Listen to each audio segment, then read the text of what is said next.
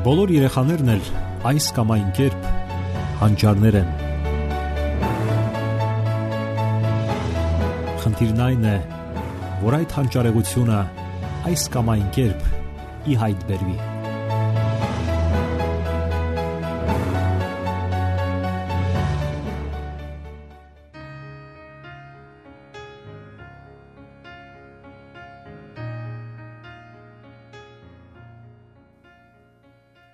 Բարև ձեզ սիրելի ռադիո լսողներ։ Եթերում դասերակցություն հաղորդաշարն է։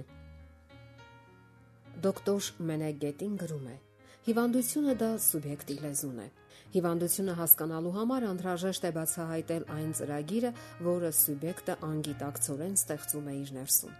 Ապա անհրաժեշտ է երկրորդ քայլը, որը պետք է անի ինքը հիվանդը նա պետք է փոխվի։ Եթե մարդը հոգեբանորեն փոխվի, ապա հիվանդությունը, լինելով կյանքի անբնական ընթացք, կանհետանա։ Մեկ այլ բժիշկ, դոկտոր Վոլկովան գրում է. ապացուցված է, որ հիվանդությունների 85%-ը ունի հոգեբանական պատճառներ։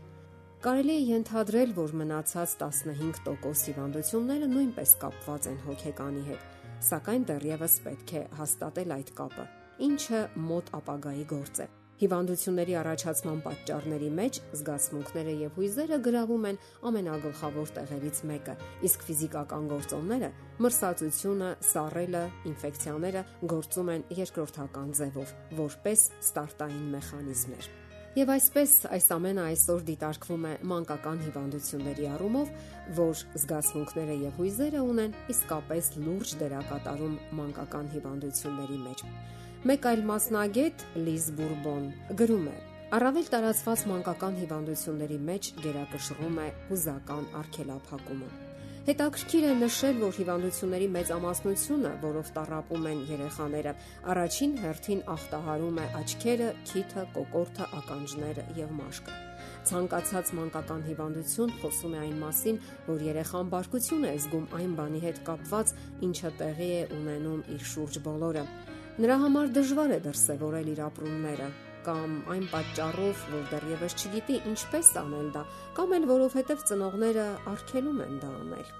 Այդ հիվանդությունները առաջանում են այն ժամանակ, երբ երեխան բավականաչափ ուշադրություն եւ սեր չի ստանում։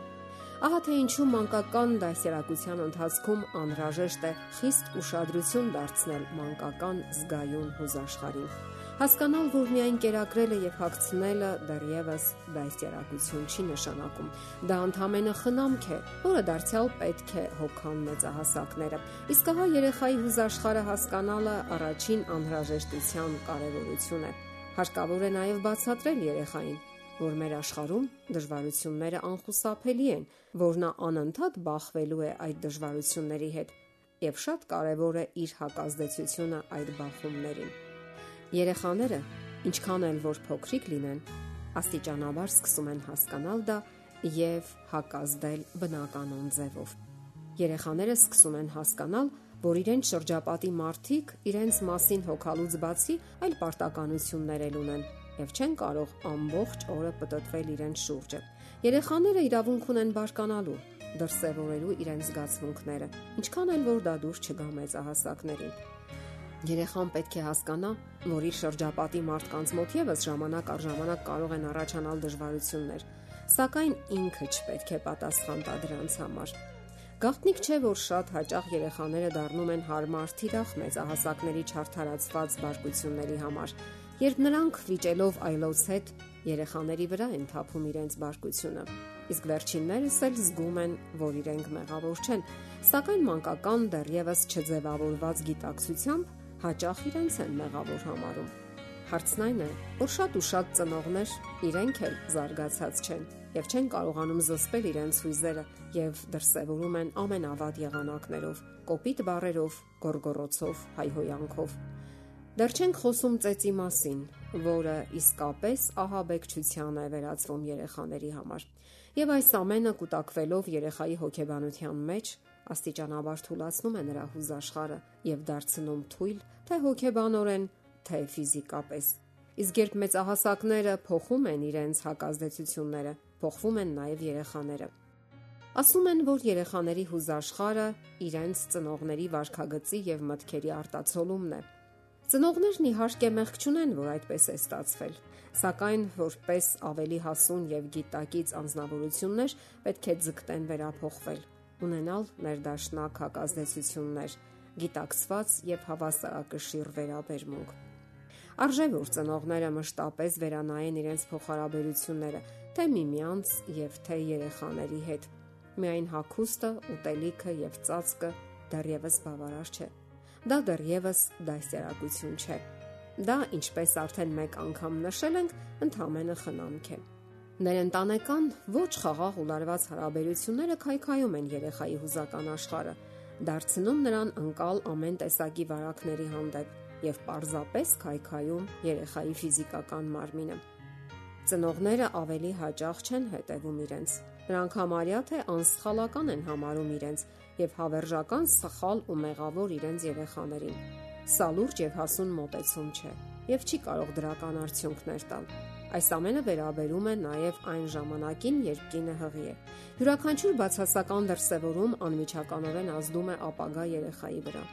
Երբ կինը մտածում է, որ իր հղիության ժամանակը չէր, վախենում է ծննդաբերությունից, ամուսինը անընդհատ նյարդայնացնում է, վիճաբանությունների մեջ է մտնում ծնողների հետ, այս ամենը ազդում է պտղի վրա։ Այսպիսի երեխայի յենթագիտակցության մեջ արդեն դրվում է ինքնաոչնչացման ծրագիրը։ Նա թույլ է ծնվում, թույլ իմունային համակարգով, յենթակա թե բացիլների եւ թե վախերի։ Այս վախերը եւս սովորաբար արդյունք են ընտանեկան լարված փոխհարաբերությունների, վեճերի, ոչ սիրալիր հարաբերությունների։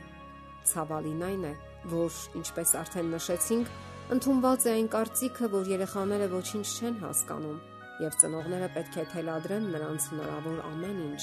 թե արժե համակարգերը, թե գաղափարախոսությունները, ընդդուք ինչև թե ինչպես մտածեն եւ այլն եւ ոչ հազվադեպ ընտանիքներում բացակայում է սիրո, ջերմության եւ փոխհմբռնման մթնոլորտը։ Սեր ահա թե ինչով պետք է շրջապատել երեխաներին, հասկանալ նրանց, ընդունել նրանց մանկական ողջ հուզաշխարը, որն այնքան գեղեցիկ է ու փխրուն։ Մեծահասակները կոտրում են դրանք բիրտ վերաբերմունքով Եվ հետո զարմանում են, թե ինչու են երեխաները այդքան անհոգի եւ անտարբեր մեծանում, հիվանդ թե մտավորապես եւ թե հոգեբանորեն եւ թե նույնիսկ ֆիզիկապես։ Ուշադրություն, սեր եւ փոխհմբռնում։ Եվ երեխան վստահությամբ է նայելու ծնողներին, մեծահասակներին եւ աշխարհին ընդհանրապես։ Եղեք համբերատար եւ գիտակից։ Սիրելի ռադիոլսողներ, եթերում դասերակցություն հաղորդաշարներ։ Ձեզ հետ է Գեղեցիկ Մարտիրոսյանը։ Ձեզ ուզող հարցերի համար կարող եք զանգահարել 093 00 63 27 կամ 094 93 55 77 հեռախոսահամարներով։